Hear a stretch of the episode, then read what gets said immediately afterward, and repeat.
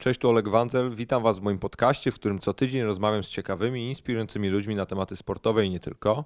A dziś moim gościem jest Rafał Juć, scout Denver Nuggets i najmłodszy scout w historii NBA.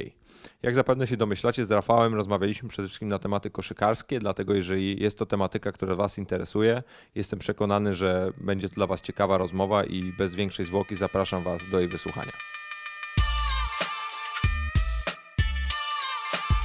Dzięki bardzo za zaproszenie. Słuchaj, e, wiesz, no, jesteś scoutem NBA, w środowisku koszykarskim wszyscy Ciebie znają, zna, e, zdają sobie sprawę, kim jesteś, co robisz, ale tak naprawdę w środowisku sportowym mimo wszystko czasami ludzie nie zdają sobie sprawy do końca, co taki scout robi, więc jakbyś mógł w dwóch, trzech zdaniach opisać swoją pracę. To prawda, to jest praca dość specyficzna, bo mówi się, że trochę jestem też detektywem. Ja do końca wcale mi nie zależy na poklasku, wcale nie muszę być w mediach. Jest to taka praca, która raczej gdzieś tam za kurtynami, za sceną. I w ogóle w Polsce raczej, jeśli chodzi o wiedzę na temat scoutingu, na te, kim jest łowca talentów, naprawdę jest ograniczona, bo po prostu takich pozycji u nas w Polsce, w polskiej lidze koszykówki nie ma. W związku z tym ja przypominam sobie taką sytuację, kiedy dostałem tę pracę po raz pierwszy i y, pamiętam moją babcię, która usłyszała, że jak ja zostałem scoutem, to ona myślała, że to jest harcerz w podkolonówkach, który sprzedaje ciasteczka, puka od drzwi do drzwi. Nie, scout to jest właśnie łowca talentów, osoba, która szuka i rekrutuje zawodników do Stanów. Y, ja też, że tak powiem, długo, mimo że osiągnąłem sukces w dość młodym wieku, bo dostałem tę pracę jako 21-latek, to na to składało się naprawdę wiele lat y, długiej i ciężkiej pracy inwestycji we własną osobę, bo chyba rzadko się spotyka, żeby osoba tak jak ja w wieku 15-16 lat już wiedziała, co chce robić w profesjonalnym życiu, ale miałem takie szczęście, że poznałem odpowiednich ludzi i miałem takie możliwości, że dowiedziałem się, co to jest scouting i postawiłem wszystko na jedną kartę. No właśnie, bo tak naprawdę poruszyłeś mega kluczową rzecz, tak? Ty od 15 roku życia, pamiętam, czytałem w jakimś wywiadzie, nie ominąłeś ani jednego turnieju młodzieżowej koszykówki. No to naprawdę trzeba być nie dość, że mega zapalonym, to jeszcze zmotywowanym, żeby tak naprawdę jeździć. Jak, jak, jak to Ci się udało wtedy? Ja miałem takie szczęście, że moi rodzice byli naprawdę zawsze twardo stąpający po ziemi i to jest w ogóle sportowa rodzina, bo mój tata grał w piłkę jeszcze do wieku juniora w Legii Warszawa, moja mama była zawodową tancerką w zespole Mazowsze i dziadek również grał w różne sporty, więc zawsze mocno nas pchali, mnie i moją młodszą siostrę do różnych sportów. Ja próbowałem piłki, koszykówki, yy, pływania, ale też jakby zakochałem się w koszykówce, ale mając już 15-16 lat wiedziałem, że nie będę zawodowym to nie koszykarzem. Najwyższy, to zresztą chyba widać po mojej osobie. E, w związku z tym stwierdziłem, że okej, okay, kocham ten sport, chcę być przy nim cały czas, ale muszę znaleźć jakiś inny sposób, żeby być zaangażowanym w koszykówkę. I zacząłem, mhm. zacząłem sprawdzać, jak to jest być sędzią, jak to jest być y, dziennikarzem, jak to jest być trenerem. To mi się do końca nie podobało. Okej, okay, powiedz mi, bo y, jedno to jest, wiesz, bycie scoutem i tak naprawdę twoja daily praca, ale powiedz mi jedną rzecz. Wielu ludzi może ci zarzucać brak doświadczenia i i pewnego rodzaju, no nie wiem, brak wiedzy albo różnego rodzaju inne, inne rzeczy, ponieważ jesteś młody, tak? Ten wiek zawsze jest jakimś tam wyznacznikiem, przez który pewnie jesteś oceniany i powiedz mi, jak sobie z tym radzisz, bo to ja sam też się z tym spotykam, też jestem młody, jestem w podobnym wieku, e, no a zdaj sobie sprawę, że ty jesteś jeszcze na, na takim miejscu, w którym, no wiesz, scout się zazwyczaj kojarzy ze sobą starszą, doświadczoną, która już x tych meczów widziała i, i musi mieć pewnego rodzaju background ze sobą. Jak sobie z tym radzisz? Tak, to prawda. Mówi się, że dobry scout jest jak wino, że im starszy, tym lepszy. W moim przypadku oczywiście brakowało tego doświadczenia, próbki, możliwości nauki z własnych y, porażek i z własnych niepowodzeń, ale jakby takiego zawodnika celowo szukali szefowie Denver Nuggets. Chcieli osoby młodej, ambitnej, takiej, która zna wiele języków obcych, taka, która jest y, znana w środowisku koszykarskim. Ja też jakby nie wziąłem tam się z przypadku, ja zostałem zaproszony na konkurs i pamiętam jak dzisiaj, jak do mnie zadzwonił Artura Skarniszowas, asystent generalnego menadżera Denver Nuggets, to było w 2013 roku, ja byłem w Talinie na turnieju do lat 20. On do mnie zadzwonił, zaproponował, żebym wziął udział w konkursie na to stanowisko. Mhm. Wysłał mi wytyczne i powiedział, przygotuj swoją teczkę na jutro. Ja zamiast wyjść z tego meczu, na którym byłem, obejrzałem wszystkie spotkania do końca dnia. Byłem na Mistrzostwach Europy do lat 20. Skończyłem o 20 i do 8 rano następnego dnia wykonałem całą teczkę. Moją filozofię scoutingu, na co patrzę na poszczególnych pozycjach, kilka referencji, wykonałem ważne telefony do ludzi, że mnie polecili w środowisku, spisałem swoje własne rankingi zawodników, jakbym chciał prowadzić w ogóle International Scouting dla Denver Nuggets, bo wcześniej w tej drużynie tego nie było, w związku z tym to było ogromne wyzwanie. I mimo, że moją posadę rywalizowali choćby e, były gracz NBA Predrag Drobniak, czy hmm. mistrz Euroligi Emilio Kowacic, to mój szef jak zobaczył moją teczkę, jaki byłem przygotowany, stwierdził, że chce pracować ze mną. Nie, no, fantastycznie, bo, bo powiem Ci szczerze, że zastanawiam się też, jak, jak na przykład dzisiaj z perspektywy czasu oceniasz tamtą teczkę, bo jak znam życie, wiesz, każdy, kto pisze jakieś prace, czy to już mówię oczywiście o oder- oderwaniu rzeczywistości, nie wiem, maturalną, na studiach, licencjacką, różnego rodzaju innym, to zazwyczaj potem jak na nią patrzysz z perspektywy czasu, no to tak masz, masz mieszane uczucia. Jak Ty ten swój materiał oceniasz, który wtedy przekazałeś do Denver? Ale ja tak samo. Ostatnio właśnie mój główny szef przyleciał do Europy i z nim byłem w Hiszpanii na tydzień na różnych meczach i wspominaliśmy stare dobre czasy, jak zaczęliśmy pracować razem w 2013 roku. Ja mówię do niego, team, to nie wy powinniście płacić mi, tylko ja wam, za to, że mam możliwość uczyć się od was, być wokół was. Jak teraz przeglądam moje stare raporty, oto wiele się zmieniło na dobre. Widać, że cały czas jakby się rozwijam. Też nie ukrywam, że jestem młodym człowiekiem. Niedługo kończę 25 lat, więc na pewno nie mogę osiadać na laurach i myśleć, że już jestem na szczycie. Scouting to jest taka branża, że cały czas się rozwija, bo dochodzą nowe technologie, statystyka analityczna, dochodzą do tego portrety psychologiczne, to czego kiedyś w scoutingu nie było. W związku z tym i profil scoutów się trochę odmładza. Jest coraz więcej młodych osób, aczkolwiek ja mam 25 lat niedługo, a druga najmłodsza osoba w całej branży ma 39. W związku z tym wcale nie jest tak łatwo, bo ja spędzam z tymi osobami więcej czasu niż z moją rodziną. Ja jestem w trasie 150-200 dni w ciągu roku i muszę z takimi osobami, tak jak pytałeś wcześniej, jak sobie radziłem z tym dość młodym wiekiem, na początku było sporo śmiechu i w ogóle zdziwienia, ale co dziwne, najwięcej było tego w Polsce. Ludzie po prostu nie byli w stanie pojąć, jak to jest możliwe.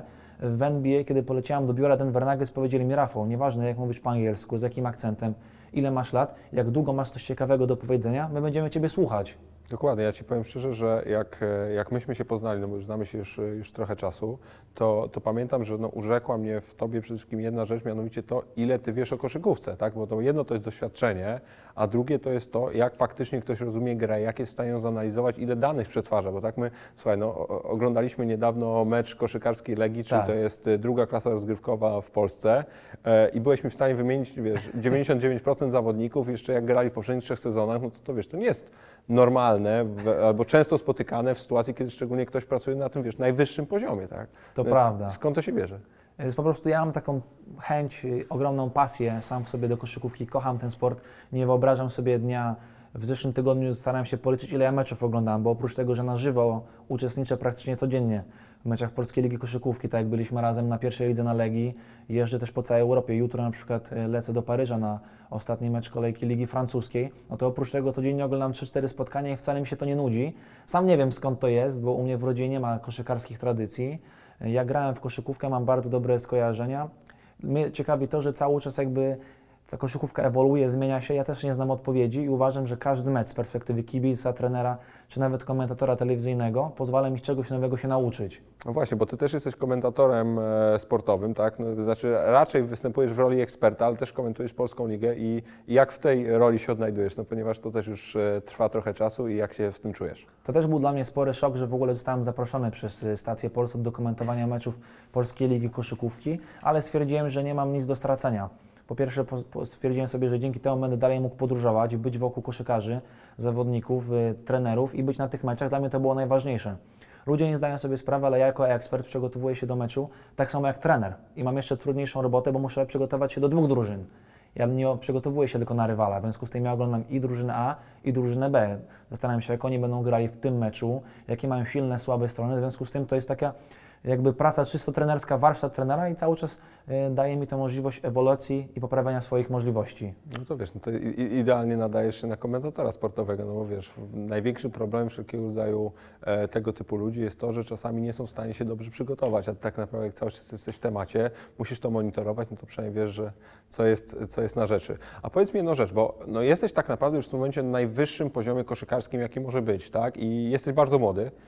To jak ty, oczywiście no, motywację znajdujesz, no bo pracujesz z najlepszymi ludźmi na świecie, tak? Tylko nie masz takiego wrażenia czasami, że no, osiągnąłeś już jakiś swój cel i, i, i co dalej? To właśnie ostatnio się śmiałam z trenerem kadry Polski, Mike'iem Taylorem, bo kończę teraz 25 lat i to będzie już moje czwarte lato z kadrą Polski. I tak się zastanawiam, czy przypadkiem już nie przejść na emeryturę w cudzysłowie z kadry Polski, bo już tyle pracuję, oprócz tego, że tak jak mówię, jestem komentatorem i pracuję Denver Nuggets, to cały czas jestem w sztabie też reprezentacji Polski, w związku z tym ja na, nie mam wakacji, tak się zastanawiałem, czy przypadkiem nie zrezygnować, ale mówię, jak to będzie już miało, że 25-latek przechodzi na emeryturę, chyba niezbyt profesjonalnie, niezbyt poważnie, Mm, ale już odpowiadając na Twoje pytanie, no to ja uważam, że jakby cały czas trzeba w siebie inwestować, bo tych tak, prac, miejsc y, dla International Scout na świecie jest tylko 30. Presja jest tak ogromna, e, do Denver Nuggets codziennie wpływają zainteresowania, zapytania ludzi, którzy są nawet gotowi wykonywać ten zawód za darmo, tylko dla samego prestiżu, dla chęci bycia wokół zawodników NBA. Ludzie sobie nie zdają sprawy, ale ja jestem pełnoprawnym graczem, tak można powiedzieć, graczem drużyny. Jestem cały czas w szatni, mam kontakt z trenerami. E, Dwóch kolegów, z którymi pracuję, którzy są scoutami, to są byli gracze NBA. Dla mnie to był ogromny przeskok. Jeszcze niedawno oglądałem ich w telewizji, teraz z nimi pracuję. I dla przykładu Jared Jeffries, to był były koszykarz NBA, zagrał w NBA ponad 10 lat, wybrany z 11 numerem draftu, zarobił ponad 20 milionów dolarów. A on niedawno przyleciał do Warszawy, poznał moich rodziców i moich znajomych. No to mega. Powiem Ci szczerze, że e, to jest no chyba najfajniejsza rzecz, jaką możesz mieć w, w NBA, że, że tak naprawdę obcujesz cały czas z tymi ludźmi. No ja Ci powiem szczerze, jak teraz mi rzucasz tymi nazwiskami, to jestem w szoku, no bo to są, są goście, na których się wychowywałeś, no, będąc kibicem koszykówki od najmłodszych lat, a teraz jakby jak jeszcze słyszę od Ciebie, że możesz z nimi pracować, no to to świetnie. No. I to na pewno nie był łatwy przeskok, bo wiadomo, że jednak cały czas gdzieś tam z tyłu głowy masz taki obraz, to jest mój idol, osoba, którą oglądałem. Na początku ciężko jest przełamać te lody w cudzysłowie, jednak żeby przejść z nim na bardziej koleżeńską relację i zostać pełnoprawnym kolegą z pracy, tak? Wiadomo, że dochodzi do nami do jakichś kłótni, sprzeczek, ja nie mogę się bać zwrócić mu uwagę, dlatego że on jest graczem NBA. I to wcale nie było łatwe, biorąc pod uwagę mój wiek, że byłem dość młodym człowiekiem, wiadomo, że na początku trzeba zarobić na szacunek i ktoś mi szybko powiedział, jeśli w tej branży koszykarskiej nie byłeś zawodnikiem, jedyny sposób, żeby zdobyć szacunek rówieśników i kolegów z pracy, to jest ciężka praca i bycie osobą skromną, ale zawsze przygotowaną. I ja staram się właśnie w ten sposób wykonywać moją pracę. Powiedz mi, ile w Twojej pracy mają znaczenia statystyki? No ponieważ jak sam dobrze wiesz, w NBA, NBA jest jedną z najbardziej rozwiniętych lig pod tym względem. Ludzie zwracają To na to prawda. bardzo dużo uwagi, a no w Polsce to jest tam na marginalnym poziomie, ale, ale no wiem, że są ludzie, którzy na przykład tylko i wyłącznie na tym bazują. No, Darren Morey, tak, czyli ge- generalny menedżer Houston Rockets, sam jakby otwarcie mówi, że to jest jego chleb powszedni i, Tak. i główny model, pod który buduje drużynę. To jak, jak, jak Ty z tymi statystykami pracujesz i na ile one są dla Ciebie kluczowe, na przykład w doborze zawodnika? To chyba jest w ogóle też e, taka cecha amerykańskiego społeczeństwa, że tam ludzie są coraz bardziej nastawieni na statystyki, bo uważają, że to jest wobec nich, wed- według nich to jest najbardziej obiektywne, za, za pośrednictwem liczb i numerów pokazać pewne rzeczy. E, My w Denver Nuggets mamy świetnego e, gościa od statystyk od analizy, nazywa się Tommy Balcetis, jest to Litwin, który chodził do Harvardu, ukończył go na dwóch różnych kierunkach. Pracował na Wall Street, zarobił e, kupę kasy i mimo, że jest młodym gościem, bo teraz kończy 31 lat, to wybrał sobie, że ok, chce pracować w NBA, ale wcale nie musi, bo już ma taki komfort finansowy. Jest fenomenalny w swojej pracy, są zainteresowania z innych klubów, ale on nie chce odchodzić. Podoba mu się miasto Denver i podoba mu się e, grupa ludzi, z którymi razem współpracujemy. On mnie naprawdę wiele nauczył. Ja też jakby, ja raczej byłem humanistą, bo studiowałem dziennikarstwo, zawsze byłem w klasach humanistycznych. W związku z tym trochę byłem na bakier e, z matematyką i z liczbami. Nie ukrywam na przykład, że z matematyki w liceum na zakończeniu miałem truje, ale to dlatego, że tam do liceum, gdzie chodziłem, w tym samym obiekcie trenowali koszykarze Polonii, więc ja na tematyce, zamiast patrzeć, co się dzieje na tablicy, to patrzyłem, co się działo na hali i oglądałem sobie treningi. E, ale szybko musiałem się nauczyć, zaadoptować. A oprócz tego, że musiałem się nauczyć e, na zaawansowanym poziomie ekonomii, statystyki, matematyki, to wszystko jeszcze w języku angielskim. Ja wiadomo, że to wcale nie jest tak proste, e, te wszystkie terminy specjalistyczne, no ale jakby ja wiedziałem, że albo to zrobię, to była dla mnie walka o przeżycie, bo w NBA to jest bardzo ważne, korzystamy z tego. Ja bym powiedział, że to jest jedna czwarta pracy, to jest wykorzystywanie statystyk, aczkolwiek to może być troszkę mm, oszukane, jeśli chodzi o przeniesienie z Europy do NBA. W NBA mają już lepsze statystyki, jest większa historia, jest większy wykaz tego, co się, co się przenosi z koleżu do NBA, a z Europy cały czas staramy się znaleźć złoty środek, więc myślę, że trzeba i ufać statystykom, ale trzeba też pamiętać, że jednak y, nasze oko nigdy nas nie zawiedzie. Okej, bo powiedz mi jedną rzecz. Ty pracujesz w NBA już czwarty rok, Tak. jeżeli dobrze pamiętam, i niedawno przedłużyłeś kontrakt na, na kolejne trzy. Mhm. Gratuluję, tak by the way. Powiedz mi, co, co te najbliższe lata mają dla Ciebie przynieść i jakie są Twoje plany? No bo zakładam, że podniosłeś sobie bardzo wysoko poprzeczkę. No, trzech, dwóch z trzech Twoich ostatnich zawodników wybranych w drafcie no to są totalnymi w ogóle mm, e, no, świetnymi zawodnikami i, i, i nawet jeden z nich został wybrany tam do e, jednego z, jednej, z najlepszych, jednej z dwóch najlepszych drużyn e, pierwszoroczniaków, e, czy Nikola Jokic, tak? E, słuchaj, no postawiłeś sobie mega wysoką tę poprzeczkę, co teraz? Dla mnie w ogóle to był ogromny zaszczyt, że drużyna Denver Nuggets zdecydowała się, że chcą dalej ze mną współpracować. Ja uważam, że zwłaszcza w takiej pracy jak scouting i w ogóle sporty zespołowe, najważniejsza jest lojalność i znalezienie grupy ludzi, z którymi można razem się rozwijać i w nich inwestować i wiedzieć, że oni będą szczęśliwi z Twojego sukcesu. Ja znalazłem takie miejsce w Denver. Myślę, że to nie będzie sekretem, jak zdradzę, kiedy mój kontrakt był blisko wygaśnięcia. Miałem zainteresowanie również z innych klubów, zgłaszały się i chciały mnie. Ja powiedziałem otwarcie, jeśli tylko Nuggets chcą, żebym z nimi współpracował i uważam, że to jest moje miejsce, podoba mi się styl tej drużyny, sposób, w jaki nasze biuro współpracuje i chcemy rosnąć razem. Do tego y, trzeba zwrócić uwagę, że wiele drużyn jednak nie przykłada takiego dużej uwagi do scoutingu właśnie międzynarodowego, a w Denver y, to jest tak samo, mówimy, że nieważne, czy ktoś jest po angielsku z Kaunas, czyli z Kowna, czy z Kansas. Śmiejemy się, dla nas to jest wszystko jedno. Mówimy, że to jest basketball player, to jest zawodnik koszykówki. Gdzie się urodził, to jest nieważne, skąd pochodzi i gdzie grał. W związku z tym mój szef i w ogóle każdy pracownik Denver Nuggets dwa, trzy razy w roku przylatuje do Europy, a ja w Stanach jestem jeszcze częściej. W związku z tym uczę się wszystkiego i biorąc pod uwagę, że to jest małe biuro, bo moje liczy tylko 7 osób, ja też uczę się wszystkiego. College, D-League, NBA, trochę strony trenerki, analiza statystyczna, czyli nie tylko robię scouting w Europie. W związku z tym chciałem rosnąć z tą drużyną i sprawić, że też jakby dołożę swoją cegiełkę do tego, żebyśmy gdzieś tam byli w walce o mistrzostwo NBA. Mhm. No bo pod, podkreślasz tą, no jakby swój świetny team oraz współpracę i powiedz mi, bo mi na przykład zawsze w Stanach Zjednoczonych e, potwornie imponowała ich etyka pracy oraz podejście do, do zawodu czy do różnego rodzaju działań, jakich się podejmują. No i e, ja mam też takie wrażenie, jak patrzę na Ciebie, no to, że jesteś kwintesencją właśnie tej etyki pracy i powiedz mi, jak to realnie tam wygląda, bo to mega mnie to interesuje. No Zdecydowanie, to jest ciekawa rzecz, bo u nas chyba nie ma jeszcze takiej kultury pracy w sporcie od strony menedżerskiej. Nie ma tych kadr, po prostu nie ma gdzie ich wy, wychowywać. W Stanach ta rywalizacja i presja jest tak ogromna, bo na Twoje miejsce czekają setki ludzi. W związku z tym nie można pozwolić sobie na jakieś kolesiostwo, nie można pozwolić sobie na gorszą pracę. Trzeba cały czas pracować na 100% swoich możliwości i to jest za mało, bo cały czas trzeba się rozwijać. I w Stanach to jest tak, jak powiedziałeś, dla mnie to był ogromny szok i trochę się z tym zderzyłem. E, Uważam, że byłem dobrze przygotowany do swojej pracy i że byłem ciężko pracujący, ale jak zobaczyłem, co się dzieje tam na co dzień, to ja musiałem naprawdę wiele się nauczyć. Ci ludzie to są pasjonaci, to są ludzie, którzy zarabiają już dobre pieniądze, są na wysokich posadach, a oni cały czas mają ten pęd do doskonałości.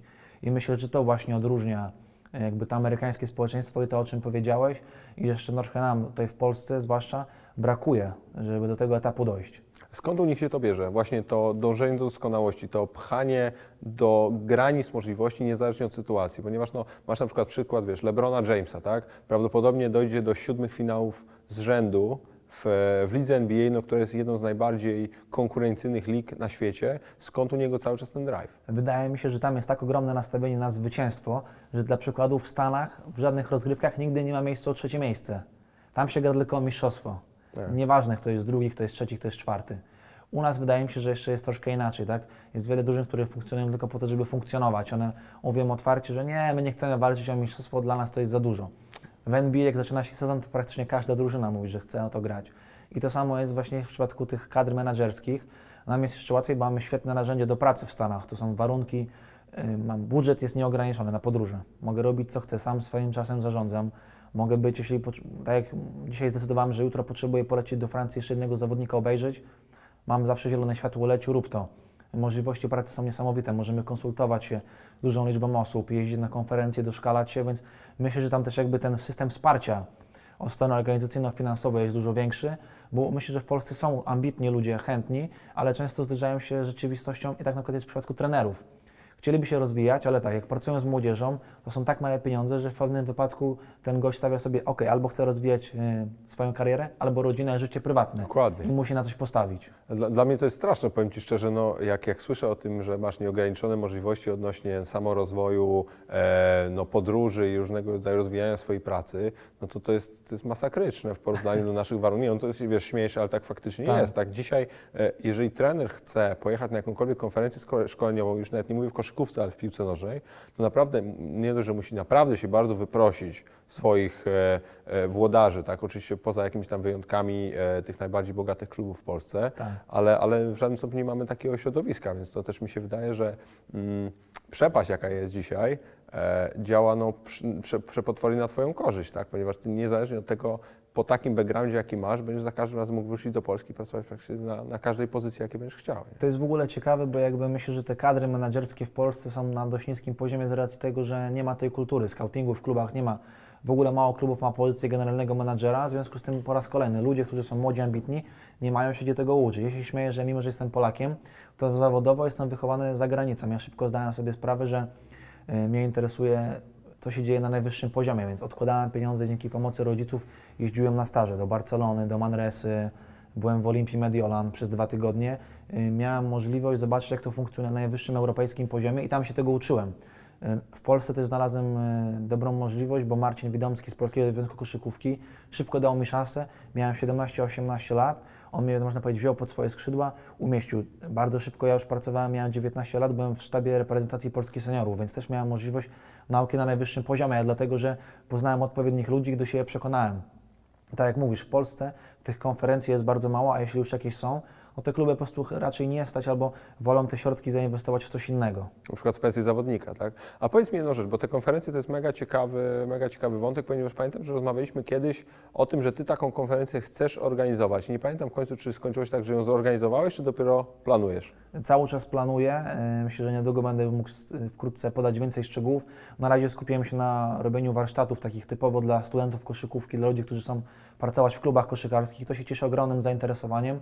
Taka seria teraz wykładów szkoleń, choćby współpracy z AWF-em warszawskim, muszę powiedzieć, że to jest naprawdę spory sukces, bo cieszy mnie, że są w Polsce młodzi ludzie, którzy chcą pracować w koszykówce, ale nie wiedzą jak, nie wiedzą kogo się zapytać, gdzie zdobyć te informacje. Ja byłem z kolei taki, że ja zawsze zadawałem te pytania i szukałem odpowiedzi. Są ludzie, którzy chcą coś zrobić, są ludzie, którzy sobie życzą, żeby coś zrobić i są ludzie, którzy to robią. Ja należałem zawsze do tej trzeciej kategorii. Yy, starałem się uruchomić wszystkie kontakty. Teraz jak trochę patrzę, niektóre próby były takie mocno nieudolne, jakieś pisanie maili, że do, nie wiem, GM-ów NBA błagam, niech mnie Pan przyjmie na pięciominutową rozmowę, bo jak nie, to dla mnie będzie dramat życia. I Teraz trochę patrzę do tyłu się z tego śmieję, ale myślę, że właśnie urzekłem też trochę ludzi takim tym moim pędem i taką siłą przebicia. Musisz wiesz, odkopać te maile i wylistować każdego z tych ludzi i teraz do nich pójść. Widzisz, mówisz, człowieku, teraz nie odpisałeś mi wtedy, a teraz co, tak? Więc e, to musi być mega, mega dobra sytuacja. A powiedz mi, e, jak re, realnie wygląda ocena w ogóle Twojej pracy przez Twoich przełożonych? No ponieważ mówisz, że no masz nieograniczone środki, e, no ale na koniec dnia gdzieś ta ewaluacja też musi być. To jak, jak to wygląda? Tak, i w ogóle w Stanach mówiliśmy o tym doskonałości i też myślę, że jedną z przyczyn, czemu człowiek cały czas w Stanach się rozwija, bo jest ciągle na bieżąco rozliczany. Do tego stopnia, że na każde spotkaniu, jakie mamy w biurze podsumowujące, czy na początku sezonu, w środku, czy na końcu, wszystkie rozmowy są spisywane i nagrywane. Można potem pójść do tyłu i zobaczyć, co ja sądziłem o danym zawodniku, co o nim mówiłem, jak byłem przygotowany do rozmowy na temat tego gracza. Tutaj nie ma miejsca na niebycie przygotowanym. Też jest brutalna branża, bo ja pracuję cały rok, żeby być przygotowanym na jeden dzień, na dzień draftu. Oprócz tego, że trzeba sobie radzić w kryzysie i w stresie, bo nie wystawione robiły inne kluby, no to też odpowiedzialność jest ogromna. W związku z tym ja czasem wolę zrobić tej pracy więcej i mieć komfort, swobodę, czuć się y, wyluzowanym, wiedzieć, że jestem w dobrym miejscu, aniżeli potem y, być nieco zawiedzionym czy nieprzygotowanym. W skaucie niektórzy tracą pracę. Jest przykład skauta, który pracował w Portland Trail Blazers i on prawie do samego draftu w ogóle nie wiedział o istnieniu Janisa Dekodumbo, który gdzieś tam grał w drugiej lidze greckiej. W związku z tym, tak jak ja powiedziałem, ja wolę podróżować więcej, oglądać każdego. W ogóle mówi się, że scouting to jest raczej proces eliminacji. Lepiej zobaczyć więcej zawodników i ich wykreślić, niż których nie zobaczyć i nie wiedzieć, jak są dobrzy. Moi szefowie dają mi feedback cały czas na bieżąco, rozliczają mnie z miesiąca na miesiąc. Mamy bazę raportów, gdzie wszystko piszemy i tam y, nie ma miejsca na lania wodę. Mój szef chce wiedzieć, czy ten zawodnik nadaje się do NBA, czy nie. Więc ja muszę mieć bardzo ostre i fachowe analizy. Słuchaj, poruszyłeś bardzo, bardzo ciekawy temat, czyli draft NBA, tak? My, myśmy rozmawiali swego czasu o tym, jak w ogóle wygląda twoja, mm, twoja rola w tym procesie, ponieważ, no tak jak powiedziałeś, to jest jeden dzień, ale przygotowanie do niego trwa cały rok i, i teoretycznie od tego dnia będzie zależała cała Twoja praca. I powiedz mi, jaka jest rola Twoja do draftu oraz jak wygląda, jak realnie jesteś zaangażowany podczas samego dnia draftu, ponieważ wiadomo, to jest raczej święto i celebracja, ale, ale zawsze wiele się też dzieje. Są trady, są różnego rodzaju inne zakulisowe rozgrywki, więc jakbyś mógł e, naszym, naszym widzom i, i słuchaczom trochę więcej o tym powiedzieć, bo naprawdę e, to jest mega ciekawy wątek. Tak obrazowo mówiąc, jestem oczami i uszami Denver Nuggets w Europie. Ode mnie zależy, jak gracze z Europy będą widziani przez moich szefów, przez moich kolegów z pracy, przez naszych trenerów i scoutów. W związku z tym ja organizuję naszą pracę w Europie. Jestem jedyną osobą odpowiedzialną, więc muszę obejrzeć wszystkich zawodników, muszę być cały czas na bieżąco z informacjami na temat ich kontraktów, na temat tego, co dzieje się na rynku transferowym. Muszę sporządzić raporty scoutingowe i to wszystko wysyłam do Stanów. Lecę tam 3-4 razy w ciągu roku, przed sezonem, w trakcie i na koniec.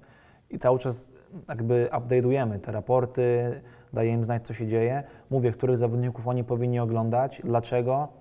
I którzy zawodnicy będą pasowali do Denver Nuggets, bo to trzeba zauważyć, że nie jest sztuką znaleźć dobrego zawodnika albo wyróżniającego się, ale sztuką jest znaleźć zawodnika, który będzie dobry w Twojej drużynie, znając filozofię Twojego trenera. Na przykład, żeby wyjaśnić naszym widzom i słuchaczom, nasz trener Mike Malone jest trenerem, który podejmuje wszystkie decyzje na podstawie obrony. Więc jeśli ja polecę mu zawodnika, który w ogóle nie gra w obronie albo robi błędy, to on nie będzie grał. Ja muszę o tym wiedzieć.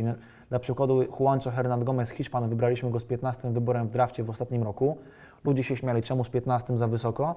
On y, miał na przykład mecz, gdzie zdobył ponad 20 punktów, 10 zbiórek z Golden State Warriors. I mój trener bardzo go lubi, bo on broni pozycję 2, 3, 4.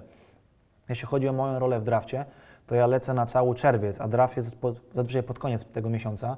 W związku z tym tam jest około 20 dni i co dzień w dzień jest burza mózgów, gdzie my siedzimy w biurze zamknięci w 7-8 osób i tylko myślimy, debatujemy na temat wszystkich zawodników, nie tylko z Europy, ale i z koledżu. Ja mam dość aktywną rolę, bo ja muszę zaprezentować i to jest spora odpowiedzialność, bo na sali jest mój trener, head coach, jest y, główny właściciel, wszyscy skauci i generalny menedżer i ja muszę stanąć i przy pomocy wideo, statystyk, analizy wyjaśnić i powiedzieć, których zawodników polecam, których nie. W dniu draftu też jest to ogromna odpowiedzialność i pamiętam w moim pierwszym roku, gdzie mój GM mówi, to się wydaje, że to jest mało odpowiedzialna rola, 57 wybór. I mówi, Rafał, kogo bierzemy? A ja aż za nim mówiłem, mówię, "E, e, nie wiem, tak? Tutaj masz tylko dwie minuty na decyzję. Trzeba być szybkim, rzeczowym. Te rzeczy się poprawiają z doświadczeniem. Yy, uważam, że jestem w ogóle szczęśliwy, że klub Denver Nuggets dał mi tak ważną rolę, że ja biorę udział nie tylko w tym międzynarodowym scoutingu, ale i również college. Mhm. A powiedz mi, bo y, powiedziałeś o tym, że no, czasami jest tak, że założycie sobie jakiś numer albo jakiegoś zawodnika, znaczy inaczej, przepraszam, założycie sobie jakiegoś zawodnika, którego chcecie wybrać z waszym konkretnym numerem, zdarzy się tak, że wybierze go ktoś inny. Co w takiej sytuacji robicie oraz jak tak naprawdę dowiadujecie się, no, która drużyna weźmie jakiego zawodnika, bo też według mnie te nieoficjalne informacje są też mega ważne przy, z perspektywy no, budowania tej swojej listy. To prawda, to jest w ogóle niewdzięczna praca skauta, bo ja tych zawodników mogę polecać, ale ja ich nie wybieram. A po drugie, czasem jakiegoś zawodnika bardzo lubisz, ale nie masz wyboru w drafcie. Dla przykładu, na przykład w zeszłym roku bardzo my i moje biuro lubiliśmy Ante Zizicza. On został wybrany później przez Boston Celtics. Pluliśmy sobie w brodę, ale nie mieliśmy możliwości. Mieliśmy inne potrzeby i mieliśmy wybory w drafcie w ogóle w innym miejscu. W związku z tym ogromna szkoda i za każdym razem, kiedy Ante Zizic gra dobry mecz, to my sobie piszemy SMS-y z moim szefem, że szkoda, że nie jest u nas. Ale trudno, taka, taka jest e, rzeczywistość. Trzeba iść dalej szykować na następny rok. Tak? To, że tego zawodnika nie wybraliśmy, nie znaczy, że dla nas nie będzie grał. Tak jak powiedziałeś, są wymiany, są różnego rodzaju zmiany. Trzeba być przygotowanym i jeśli jakiegoś zawodnika lubisz, śledź go zawsze przez całą karierę, bo oprócz tego, że zawodnicy się zmieniają, czasem w karierze pojawia się sytuacja, że jest po prostu wolny. Mhm, a powiedz mi, e, gdzie, gdzie tak naprawdę zmierza w tym momencie Denver Nuggets? No ponieważ od, od pewnego czasu, odkąd tak naprawdę odszedł z klubu Carmelo Antony, drużyna nie jest żadnym stopniu kontenderem w swojej konferencji. E, no, budujecie się, tak jak powiedziałeś, na zawodnikach europejskich, draftowanych oraz na dobrych wymianach oraz i i no, jakieś tak wyszukiwaniu talentów w Stanach Zjednoczonych i powiedz mi, jak w tej dobie tak naprawdę no, mm, niemożności konkurencji z topowymi drużynami takimi jak na przykład Golden State Warriors, wy wciąż znajdujecie w sobie motywację, by walczyć i, i, i tak naprawdę budować cały czas swój zespół według jakiegoś konsekwentnego celu. To jest świetne pytanie, bo w NBA tylko jedna drużyna wygra mistrzostwo, tylko jedna będzie zadowolona, a 29 będzie nieszczęśliwych. W związku z tym trzeba znaleźć sobie te małe cele, sezonu na sezon, ale nie zapominać o dużym obrazie. I tak samo jest u nas. My mocno inwestujemy w młodzież. Uważamy, że jeśli chodzi o draft i scouting, jesteśmy jedną z topowych ekip w NBA i to chyba widać po pikach i wyborach, jakie mamy. Co roku mamy kogoś pierwszej piątce debiutantów. W zeszłym roku mieliśmy trzech graczy w meczu y, młodych gwiazd NBA. Y, Więc jakby nie chcemy poświęcać y, długoterminowego planu i oddać Nikolaj Jokicza, Jamala Mariego, mm, żeby zburzyć naszą kontynuację jej pracy. My uważamy, że jakby taką najbardziej niedocenianą sposobem rozwoju jest właśnie poprzez rozwój, kontynuację wewnętrzny. Oczywiście w NBA, żeby wygrywać, trzeba mieć superstar player, ale też, żeby takiego gracza dostać, trzeba być na niego gotowym. My oceniamy realistycznie, że jeszcze nie do końca jesteśmy. Y, Ten zakończony niedawno sezon dla nas był naprawdę mega pozytywny, bo zabrakło nam jednego zwycięstwa do awansu do playoff. Nikt się nie spodziewał. W związku z tym apetyt rośnie w miarę jedzenia. Mamy teraz do wydania ponad 20 milionów dolarów latem i myślę, że to będzie kluczowe, takie pivotowe lato dla nas, co się stanie, jak, co będzie w draft, drafcie, ale jeszcze bardziej, co będzie w wolnej agenturze. Dokładnie, bo, bo teraz, y, jak, jak dobrze poruszyłeś, no, kwestie pieniędzy. To jest, mm, podniósł się niedawno poziom salary cap ze względu na nową umowę telewizyjną. Tych pieniędzy w NBA pojawiło się dużo więcej, wręcz y, wielu mówi, że aż, aż za dużo. No, do, dochodzimy do takiej sytuacji, że, że na przykład Leo Messi jest w przeddzień podpisania nowego kontraktu z Barceloną, na mocy którego będzie zarabiał 30 milionów euro E, i, i, i, i, się śmiejemy ze znajomymi czasami, że to jest na poziomie Mike'a Conley w tym momencie w Grizzlies, e, w Memphis Grizzlies, no, którzy nie są topową drużyną e, w NBA. Są oczywiście w playoffach, etc., ale, ale na pewno nie jest to status Messiego w tym sporcie, dlatego powiedz mi, jak Wy też podchodzicie do pieniędzy i do ich wydawania, ponieważ no, nie wszystkie zespoły mają ten komfort, że na przykład wchodzą do, do, wolnej, do wolnej agentury, tak jak powiedziałeś, z, no, z takim workiem pieniędzy.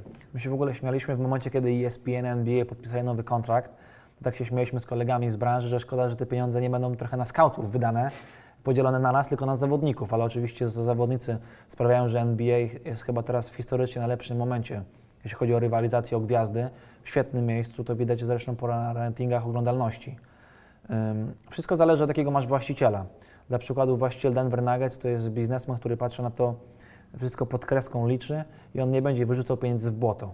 To nie muszą być racjonalne, przemyślane decyzje, ale każdy klub jest rządzony inaczej. Myślę, że mamy spory komfort i jeśli będzie odpowiednia możliwość, to wydamy te pieniądze, ale nie chcemy ich wydawać tylko po to, żeby je na kogoś wydać. Tak jak przydałeś przykład Mike'a Conley'ego, zawodnik, który zarabia 30 milionów dolarów, czy jego wartość jest mm, relatywna do tego, trudno powiedzieć. W koszykówce, bo taka, jeśli porównujemy do piłki nożnej, to w piłce nożnej masz 11 zawodników i teraz pytanie, czy jeden będzie w stanie zmienić tak oblicze meczu, jak w koszykówce przy 5-1. Dla przykładu LeBron James, jeśli przeniesiemy go z Cleveland do Denver, Byle jakiej drużyny to tak myślę, naprawdę. że i Denver by walczyło o mistrzostwo. On jest tak świetny. W związku z tym ja uważam, że ci superstar players naprawdę warto im te pieniądze płacić i one są dobrze zasłużone dla nich. Teraz jakby jest historyczny moment w NBA i chyba kluby jeszcze do końca nie wiedzą, jak to wykorzystywać z tym płaceniem. Widzieliśmy różne dziwne albo takie kwestionowane umowy, a myślę, że to jest kwestia jednego, dwóch y, lat. Choćby przykład Marcina Gortata, który zarabia mniej niż jego zmiennik. Dokładnie, no to, jest, to jest jakaś w ogóle chora sytuacja w tym momencie, I, a szczególnie, że przypomnij sobie moment, w którym Marcin dostawał te pieniądze, które według mnie w 100% zasłużone.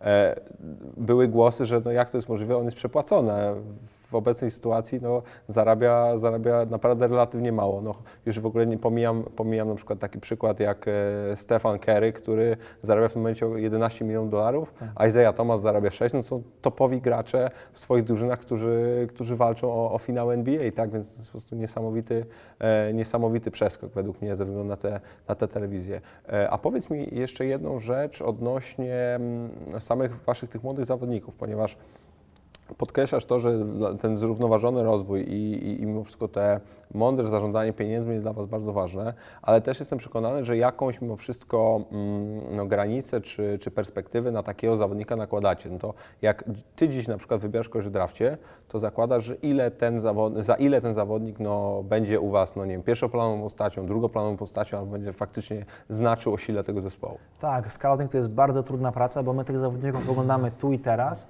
ale staramy się przewidzieć, jak on będzie grał, jak będzie wyglądał za 3-4 lata. To dochodzi do takiego zdarzenia, prawie jak w baseballu, że rzadko który zawodnik wybrany w drafcie jest w stanie z miejsca, z marszu grać w ogóle w Twojej drużynie. NBA stało się ligą tak atletyczną, tak fizyczną i biorąc pod uwagę, że coraz młodsi zawodnicy wychodzą do draftu, trudno jest im, to jest ogromny przeskok, e, nie tylko ze strony właśnie koszykarskiej, ale tej fizycznej, atletycznej. My oczywiście jakby wie, wiemy, że gwiazdy są przede wszystkim wybierani w pierwszej piątce draftu.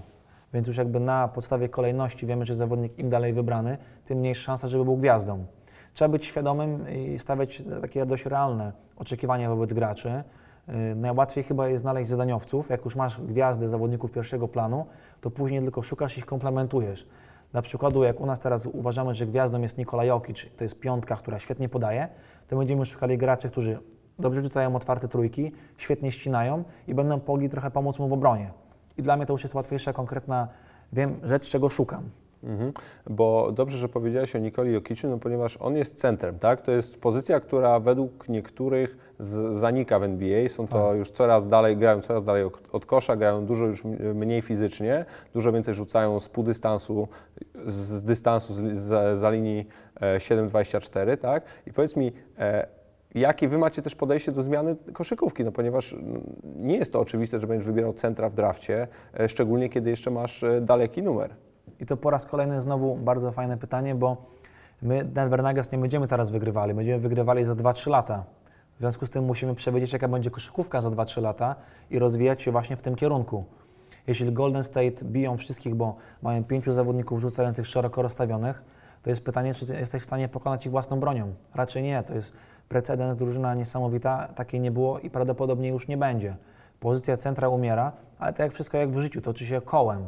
W związku z tym my uważamy, że w, oparciu o zawodników europejskich, o dobry spacing, o dobre fundamenty koszykówki, można zneutralizować to, że Golden State grają niższym składem. Ale czy w ogóle Golden State będą rywalizowali za 2-3 lata, też ciężko przewidzieć. My te mecze oglądamy i staramy się szukać nowych trendów i tak właśnie dobierać zawodników. No jestem przekonany po tym, co mówisz na przykład, że, że jakby drużyna w jakiej jaka w tym momencie jest w Golden State nie ma prawa się utrzymać choćby ze względów finansowych, tak? To są zawodnicy, którzy w wielu przypadkach są niedoszacowani względem rynkowym. Są tacy na przykład jak, jak David West, który nie wiem, wziął 12, 12-krotne obcięcie zarobków tylko po to, by być w takiej drużynie, więc to też nie, e, nie zdarzają często takie sytuacje. Tak jak powiedziałem, Stefan Kerry e, wciąż czeka na swoje wielkie pieniądze. Clay Thompson e, według mnie wciąż może zarabiać więcej. E, Andrzej Gudala stosunkowo zarabia bardzo dużo. Mm, Draymond Green wciąż e, versus na przykład obecne kontrakty też zarabia mało pieniędzy, więc są zawodnicy z wielkimi ambicjami, z ogromnymi umiejętnościami, którzy na pewno będą dążyć do takich pieniędzy, więc, e, więc ja jestem wręcz przekonany, że, że tak nie będzie.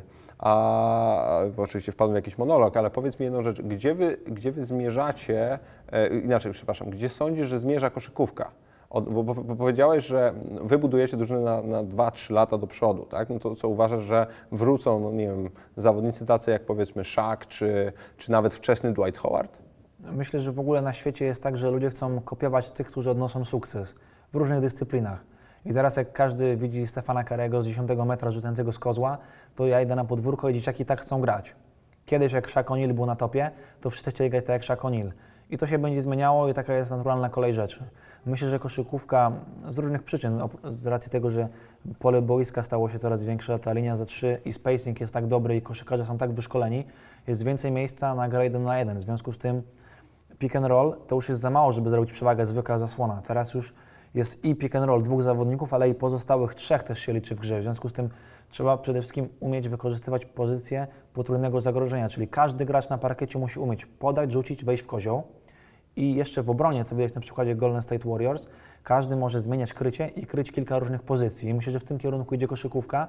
To powoli widać e, w Eurolidze, w Europie, gdzie tego materiału fizycznego, tych zawodników wysokich jest coraz mniej. I niedługo myślę, że będziemy mieli sytuację, że może być po prostu pięciu gości o dwóch metrach, każdy takie same warunki fizyczne, te same umiejętności, prosta gra jeden na jeden, czytanie i szukanie przewagi. A uważasz, że na przykład y, zawodnicy w Europie nie stali się troszkę za mało fizyczni versus na przykład NBA? No ponieważ jak, jak nawet wymieniłeś e, Janisa Antetokounmpon, to, to, to chłopak jest mój rocznik, no a jest bestią, jest ogromny po prostu. Więc ja sobie, jak nawet oglądam mecze Euroligi, już nie, nie wspominam o, o polskiej lidze koszykówki, tak? No to to są przecież atleci, z którymi e, no nie jesteś w stanie konkurować i ja tu mówię o pozycjach 1, 2, 3, a nie o centrach czy, czy silnych skrzydłowych. No i to dlatego właśnie przede wszystkim rozgrywający obwodowi z Europy mają ogromne problemy, żeby iść do NBA. Do dzisiaj było tylko trzech graczy z Europy wybranych do najlepszej piątki zawodników NBA. To był Goran Dragic, yy, to był Tony Parker, Dirk Nowicki pewnie. yy, nie, nie, i to był Drażen Petrowicz, zawodników Okej. obwodowych tylko. I A, to, zobacz, i, przepraszam. I to pokazuje, jak trudno obwodowym przenieść się do NBA, bo atletyzm, szybkość, fizyczność tej koszykówki. NBA to jest liga elitarna, to jest tylko 450 zawodników na całym świecie, w związku z tym tam będą najlepsi atleci. Y, Pytanie jest też, dlaczego tam biorą zawodników wysokich, dlaczego jest tylu zawodników o dwóch metrach. Jak byliby zawodnicy o trzech metrach, to by brali takich zawodników. Jak długo kosz będzie na 3,05, tak długo wyjście będą mieli przewagę. No i niestety trochę na tym traci Europa, bo zabierają nam w cudzysłowie najlepszy materiał y, do gry po prostu. A powiedz mi, czy, czy, czy ty myślisz, że w ogóle w, e, no NBA jest taką ligą, która dąży po pierwsze do doskonałości, po drugie zawsze stara się szukać jakichś nowych nowinek, urozmaiceń, udoskonaleń. Myślisz w ogóle, że oni mogą na nowo zdefiniować zasady koszykówki, bo tak jak wiesz, wiesz dobrze, no, linia trzech punktów jest dalej w NBA, kosz jest troszeczkę węższy, mam na myśli średnicę. Tak jak mówisz, że czy do, dopóki kosze będą na 3,05, wyobraź sobie w ogóle sytuację, gdzie on na przykład będą wyżej, niżej, albo będzie to totalnie inaczej wyglądać? No jestem ciekaw, jak będzie wyglądała koszykówka. Ciężko mi przewidzieć za 20-30 lat. Myślę, że może wyglądać inaczej. Już się powoli mówi, że choćby będzie pilotażowy program, żeby w meczu gwiazd utracyjnić go, wprowadzić linię rzutów za cztery. Jakby cały czas szuka się nowych rozwiązań, bo już jesteśmy praktycznie na szczycie. Nie wiem, czy można być jeszcze lepszym niż obecny gracze NBA. To są takie gwiazdy, które grają w tak świetny sposób, a oczywiście NBA zależy, żeby ten produkt był coraz bardziej ciekawy. Ja mam takie wrażenie czasami, że jak e, oglądam te mecze, że wręcz, że zostają wy- wymyślane nowe metryki statystyczne tylko po to, by pokazać realną wielkość tych zawodników. Tak. Ponieważ kiedyś pokazywałeś punkty, zbiórki, asysty i jak ktoś no, notował no, fantastyczne wyniki, jak na przykład nie, Will Chamberlain, tak, który w latach e, 60.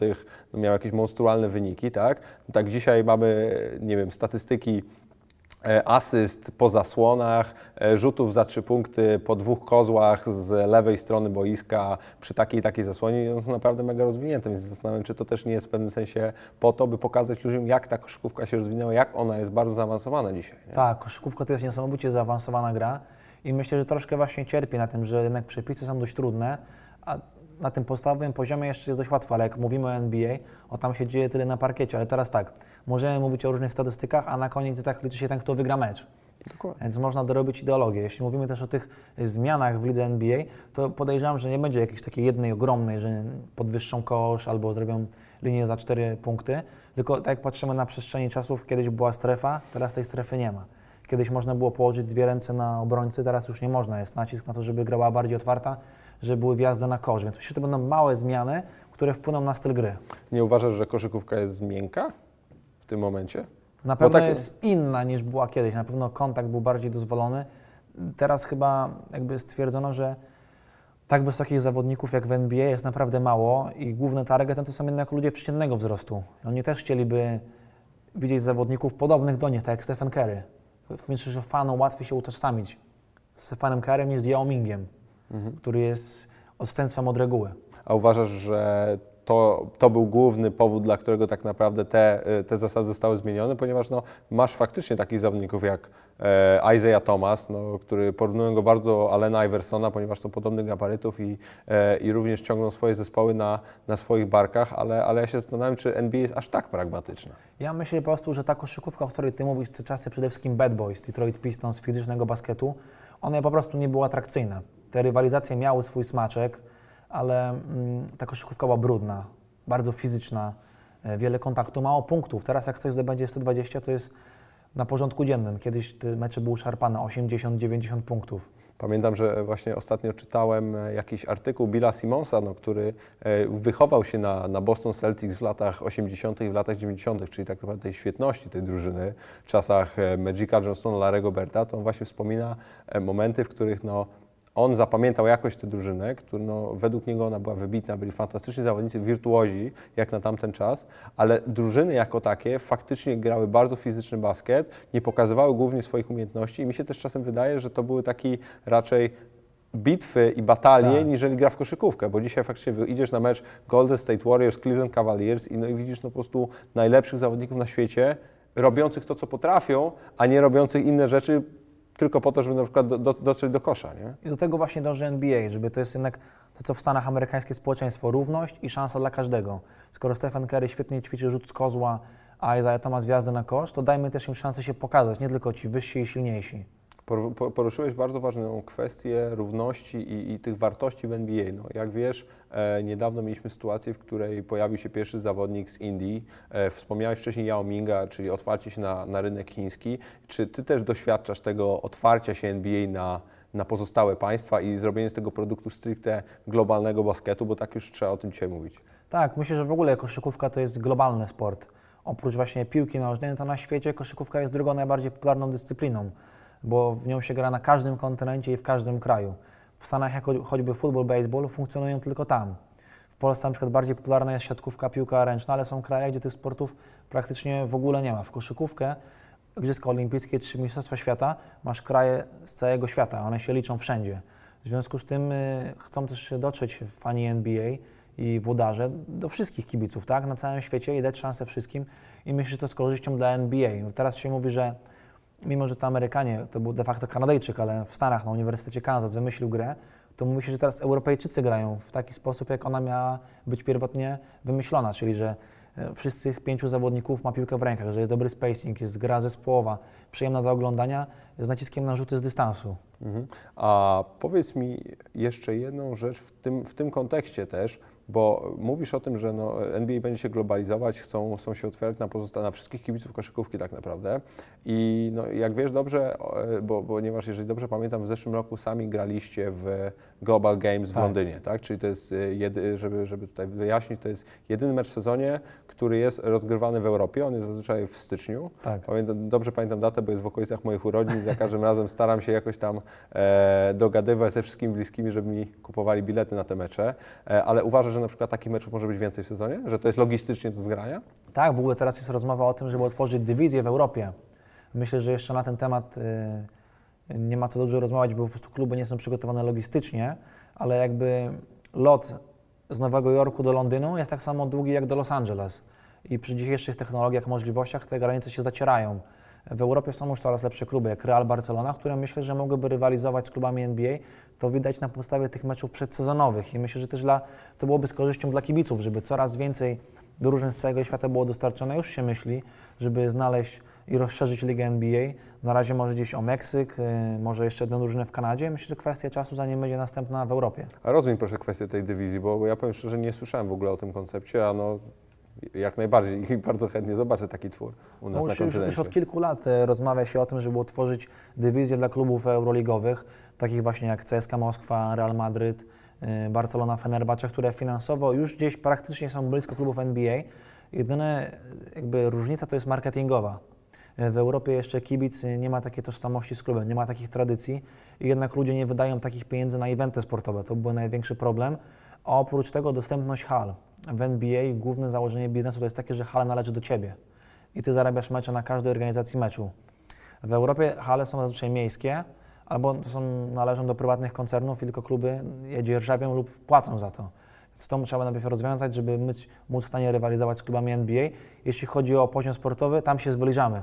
Organizacyjny i marketingowy jeszcze jest długa droga. Ja właśnie czytałem ostatnio bardzo ciekawy wywiad z Robertem Kraftem, który jest właścicielem e, New England Revolution, czyli klubu w MLS oraz przede wszystkim New England Patriots, czyli e, ostatniego mistrza Super Bowl w futbolu amerykańskim. Właśnie on te kwestie posiadania stadionu, posiadania całej infrastruktury dookoła klubu uznał za kluczowe w ogóle w kwestii rozwijania. Tak? A sam, tak jak powiedziałeś, w tak naprawdę w Europie czy w Polsce to szczególnie nie mamy w żadnym stopniu w ogóle dostępu do infrastruktury. To jest ogromny problem i, i powiem Ci szczerze, nie wiem za bardzo jak można by go rozwiązać, ponieważ mm, nie mamy chyba aż tak e, powiedzmy, nie, nie powiem rozrzutnych, ale ambitnych i daleko patrzących biznesmenów, którzy by chcieli zainwestować te x 10 milionów złotych, by na przykład taką halę wybudować. Tak? Zazwyczaj wszystkie obiekty są miejskie, jest ciężko Tak. z dzierżawą, gra, gra tam parę, e, parę drużyn i nie jesteś w stanie tak naprawdę zbudować całego tego marketing core'u, o którym Ty mówiłeś, bo on zazwyczaj właśnie się opiera na tym, że stadion jest Twój, możesz tam robić co chcesz, możesz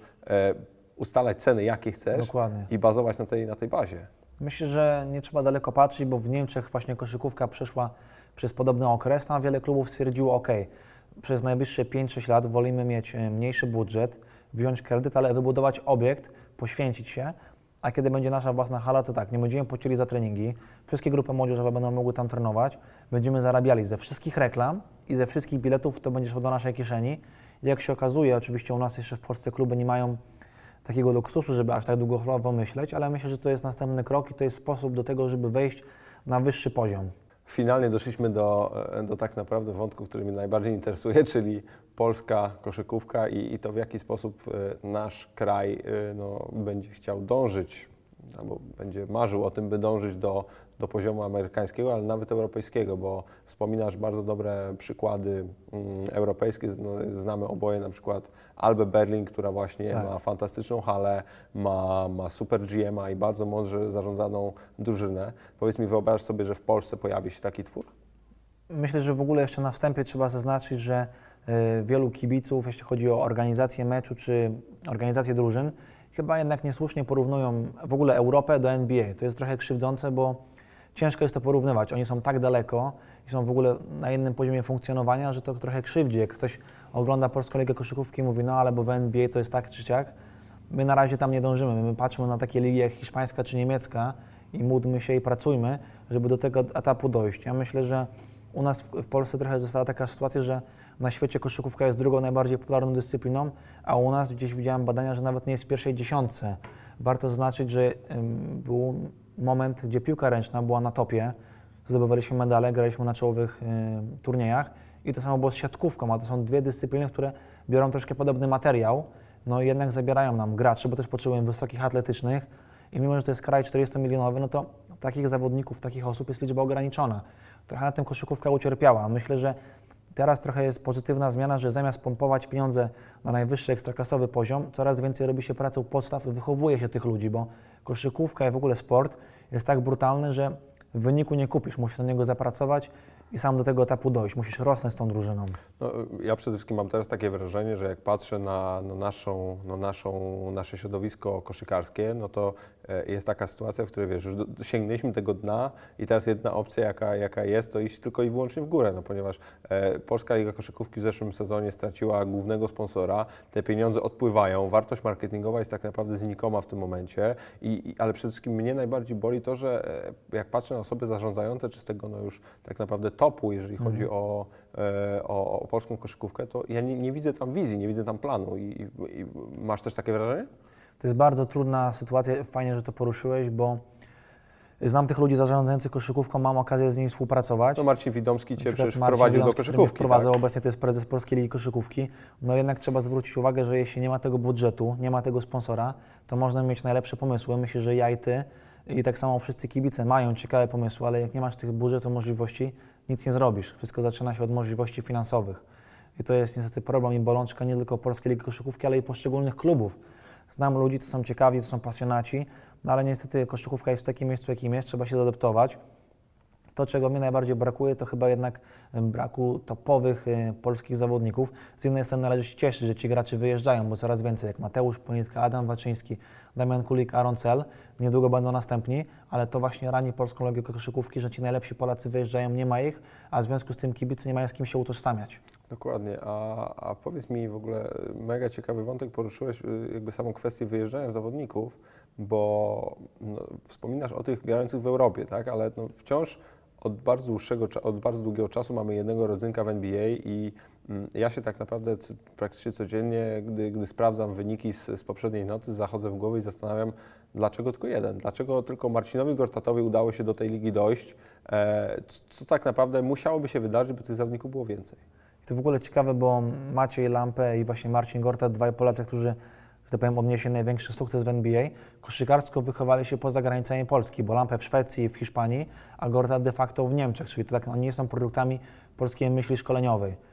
Myślę, że jeszcze długo nie będziemy mieli gracza na poziom NBA, ale cieszę, że robimy odpowiednie kroki w dobrym kierunku. Kadra z roku na rok gra coraz lepiej, mamy dobrego trenera, wprowadził świetną atmosferę i widzimy, że ci gracze rosną razem, razem z reprezentacją. To samo, co było w piłce nożnej. Jeszcze kilka lat temu, jak gracze przyjeżdżali na kadrę, to cieszyliśmy się z pojedynczych zwycięstw, nie wiem, z Finami, z Belgią. Teraz my już rywalizujemy jak równy równy z Hiszpanią. E, Mamy coraz lepsze przygotowania. Gracze też jakby przez sam wyjazd do Europy, oni już są otrzaskani z tą rywalizacją na najwyższym poziomie. Nie stresują się tak. Dla nich to jest na porządku dziennym grać e, z Navarro, z Parkerem, bo rywalizują z nimi na różnych e, poziomach i w różnych rywalizacjach. Tylko co się musi wydarzyć, by oni faktycznie przekro, przekroczyli ten Rubikon, ponieważ no, e, mówiono, że Ponitka ma potencjał na w NBA, Karnowski ma potencjał na w NBA, Waczyński też się przewija w tych rozmowach. Dlaczego mimo wszystko oni nie trafiają do tej ligi? No jednak, tak jak mówimy, Liga NBA to jest y, liga brutalna. Mamy 450 zawodników, w zeszłym roku było 101 z Europy, to jest elitarna liczba. Jest wielu graczy w Eurolidze, którzy po prostu nie są wystarczająco dobrzy. E, Trzeba też jednak zaznaczyć, że Liga NBA ma 15, wkrótce będzie miało 17 graczy na skład i wielu zawodników, jak choćby Adam Waczyński, w mojej opinii, mógłby grać w NBA, Nawet chociaż jako zadaniowiec, tak? ale trzeba też jednak uszanować jego decyzję, że on woli, tak mi się wydaje, znając Adama, zamiast być na końcu ławki i mało grać, on chyba jednak woli być w Europie i też trzeba to uszanować, y, to jest jego sposób na karierę, a myślę, że cały czas drzwi do NBA się nie zamykają. Myślę, że powinniśmy się skupić już na tych młodszych pokoleniach i rozwijać odpowiednich zawodników. Jak ja robię scouting, to przede wszystkim patrzę nie na umiejętności, ale na atletyzm i fizyczność. I tego troszkę mi brakuje w Polsce. U nas często jest tak, że są zawodnicy bardzo niscy, tak samo jak ja. Jednak chyba warto odróżnić sport amatorski od zawodowego, być brutalnym i często mówić zawodnikom już młodszym, że jednak oni szansę na zawodową karierę mają naprawdę małą, tak? Ja bym się chyba jednak ucieszył, jak ktoś powiedział mi, że Rafał, okej, ty nie masz wzrostu, nie masz atletyzmu, fizyczności, w NBA raczej nie będziesz grał, zamiast żebym się łudził tymi y, marzeniami i dalej w to inwestował. Myślę, że właśnie warto się skupić na pracy u podstaw, chodzić do szkół i szukać zawodników utalentowanych atletycznie i fizycznie, bo tego nie nauczysz, a umiejętności koszykarskich zawsze możesz nauczyć. To znaczy genetycznie nie nauczysz, ale z drugiej strony sam dobrze wiesz, że w Stanach przecież to podejście do fizyczności, do, rozwi- do, do rozwo- rozwi- rozwijania tej kultury fizycznej jest tak naprawdę no, od pierwszej Tak. klasy e, szkoły podstawowej, gdzie ty do 10 czy 11 roku życia no, tworzysz tych tak zwanych all-around all around players, all-around athletes, tak? gdzie no, e, ty dopiero później na, na poziomie tam czy liceum, czy, czy nawet czasem koleżu dopiero decydujesz do jakiego sportu chcesz pójść i to są no, naprawdę no, ludzie, którzy fizycznie są przygotowani na tak naprawdę każdą dyscyplinę, a tego w Polsce nie mamy przecież. No i sam fakt, że oni grają kilka różnych dyscyplin, to rozwija w ogóle Twoją ogólną ruchliwość, atletyzm, fizyczność, tak? U nas tego trochę brakuje. Ja się wywodzę z małego lokalnego klubu, nazywa się MKS Ochota Warszawa i ostatnio byłem załamany, jak trener powiedział mi, że jednej sekcji wiekowej nie udało się uruchomić, bo nie było 10 chętnych, a w tym roczniku musisz robić zmiany piątkami. O, to jest w ogóle załamujące, że coraz mniej dzieciaków w Polsce chce grać w sport. To są alarmujące dane, gdzie na przykład w Niemczech, jak mówimy, że w danym roczniku, w danej kategorii, to jest 2-3 razy więcej. Wiadomo, większy kraj, ale i więcej osób w ogóle uprawia sport. Mi się wydaje, że w Polsce jeszcze nie do końca jest takie przekonanie. U nas się mówi, że trochę jest sportowiec, to jest taki gość, któremu się nie udało w innych dyscyplinach, to gra w sport, bo nie był inteligentny. W Stanach y, w sport, ty dobrze o tym wiesz, jest y, traktowany na równi ze sztuką, z biznesem. To jest po prostu część życia codziennego. Tam się chodzi, to jest ogromne wydarzenie, to są rzeczy, które są medialne na co dzień y, w mediach, na co dzień jakby w tym głównym kanale informacyjnym.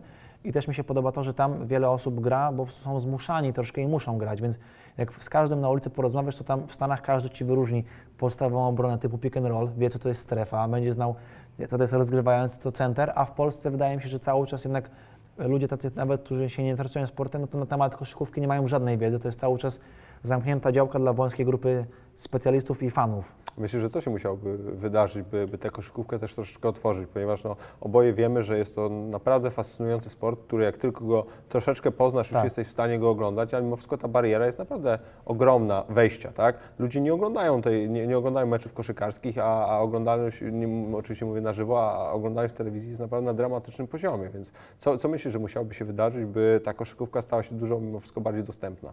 Pierwsze musi być e, sukces kadry, reprezentacji. Bez tego to jest taki motor napędowy, to widzieliśmy w innych dyscyplinach, w siatkówce czy piłce ręcznej. Ale nie, nie można zapominać i tylko liczyć na ten sukces kadry, nie robić nic. Podoba mi się, że coraz więcej jest inicjatyw takich właśnie pracy u podstaw. Marcin Gortat wykonuje fenomenalną pracę. Jemu trzeba podziękować i być wdzięcznym, że jest ambasadorem koszykówki w Polsce. Jego kempy przyciągają setki zawodników, e, dają nowe możliwości, sprawiają, że dzieciaki mają ambicje i chęć do pracy. Polski Związek Koszykówki znowu wrócił do otwarcia takich szkół sportowych na poziomie podstawówki, liceum. Są programy, gdzie się zachęca dzieciaków, bo my bez odpowiedniej, można robić selekcję, ale najpierw trzeba mieć z czego. W związku z tym ja, jeśli mógłbym coś zalecić i jakieś wyrazić mój sposób, jak ja bym to zrobił, o to przede wszystkim robił tak, e, programy informacyjne, żeby w ogóle, tak jak Ty powiedziałeś, zarazić ludzi, zanim poinformować ich, czym jest koszykówka, jak to wygląda i to musiało być w mainstreamie i nie na, tem- na podstawie Polskiej Ligi Koszykówki czy NBA, tylko ogólnie na temat koszykówki pokazać, jaki to jest piękny sport i jakimi prawami on się rządzi. Bo mówiłeś przed chwilą o siatkówce, a i tutaj bym się minimalnie z Tobą nie zgodził, ponieważ e, tam, wiesz, sukces kadry jest wypadkową bardzo ciężkiej i długoterminowej pracy n, n, z rocznikami młodzieżowymi, gdzie tak naprawdę oni dzisiaj e, już tak e, tylko i wyłącznie, no, no nie powiem, że spijają tę śmietankę, ale monetyzują, mówiąc wirtualnie, swój jakiś tam wkład ki- kilka czy kilkanaście lat temu, ponieważ no, takich Mariuszów Wlazów, Bartoszów Kurków czy mm, Karolów Kłosów w, w drużynach juniorskich mamy X naprawdę, a w koszykówce czy tak jak wspomniałem w piłce ręcznej nie ma tej młodzieży i nie ma w żadnym stopniu infrastruktury dla tej młodzieży ani, ani perspektyw, więc ja się zastanawiam też w jakim kierunku musieli my byśmy pójść jako, jako kraj, żeby realnie no, tym dzieciakom stworzyć okazję do grania, ponieważ dzisiaj jesteśmy no, w szale i w pewnym sensie takim e, no takiej jakby poczuciu, że dzięki piłce nożnej nasz kraj idzie naprawdę sportowo się rozwija i pomimo tego, że to jest naj, najpopularniejszy sport, to bardzo często jest tak, że w żadnym stopniu nie, nie promujemy tych pozostałych i ja się zastanawiam, co z tym można zrobić. Mnie bardzo boli, że w koszykówce oczywiście centra jest trudno wychować, bo trzeba znaleźć odpowiedniego zawodnika o parametrach, atletyzmie, ale boli mnie, że cały czas nie możemy wychować następcę rozgrywającego. Niedługo Łukasz Koszarek już będzie kończył karierę i nie widać, a przecież rozgrywający wcale nie musi być wysoki, nie musi być atletyczny. To pokazuje, że ta myśl szkoleniowa, ten rozwój nie do końca jest tam, gdzie być powinien. Ja widzę tutaj dwie rzeczy. Ogromną decentralizację rozgrywek młodzieżowych. Bardzo często są mecze niesamowicie nierówne, gdzie się kończą ze wynikami 140 do 40.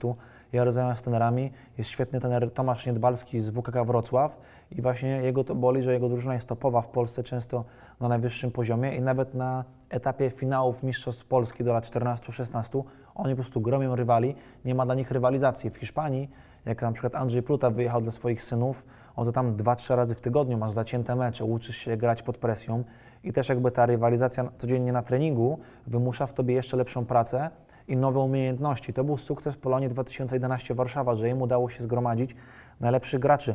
Mateusz Płytka jest tam, gdzie jest, bo oprócz tego, że ma niesamowity talent i charakter, to on codziennie na treningu rywalizował z Derdanem Beryszą, Michałem Michalakiem czy Piotrkiem Pamułą, czyli też kadrowiczami. Mhm. A co myślisz, że musiałoby się wydarzyć, by faktycznie byśmy wychowali takiego, e, takiego rozgrywającego? No bo sam, sam wiesz dobrze, Isaiah Thomas w żadnym stopniu nie ma warunków na to, by, by być w ogóle koszykarzem, tak? A faktycznie gra na, na mega wysokim poziomie. No i jestem przekonany, że znajdziemy człowieka 1,75 m w, w naszym kraju, którego będziesz w stanie nauczyć koszykówki. Są dwie rzeczy. Przede wszystkim inwestycja w trenerów. E, Mówiliśmy o tym wcześniej, że są w Polsce niesamowicie ambitni ludzie, którzy chcą pracować w koszykówce, ale często zderzają się z tą brutalną rzeczywistością i rezygnują. Inne dyscypliny, ja mam dużo kolegów, którzy też grają ze mną w koszykówkę, ale po prostu zobaczyli, że w bankowości, w finansach, tam mogą zarobić lepsze pieniądze. I po prostu zrezygnowali z koszykówki, a to mnie boli, bo to byliby świetni ludzie, jestem pewien, ale stwierdzili, że po prostu nie ma tutaj pieniędzy i to jest brutalna rzeczywistość, trzeba w tych trenerów mocno inwestować, dawać im szansę do rozwoju. A druga, no to właśnie zachęcać i stwarzać tą piramidę szkolenia, żeby na najniższym poziomie była ogromna e, liczba młodych ludzi, bo koszykówka i sport zespołowy to jest tak brutalne, że się mówi, żeby wychować jednego, trzeba wykorzystać dziesięciu. W związku z tym musi być coraz więcej młodych ludzi grających w koszykówkę. Poruszyłeś kwestię trenerów i, i tutaj bym chciał też troszeczkę się zatrzymać na temacie e, Mike'a Taylora, ponieważ e, jest to trener pierwszy reprezentacji Polski.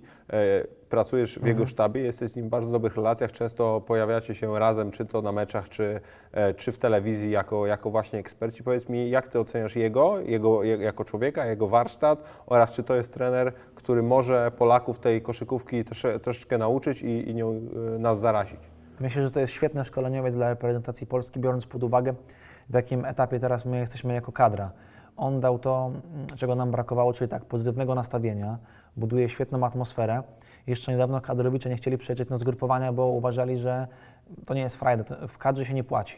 I to jest troszkę taki mm, banał, że się gra z orzełkiem na piersi, ale zawodnicy też kalkulują, tak? Są zmęczeni ciężkim sezonem.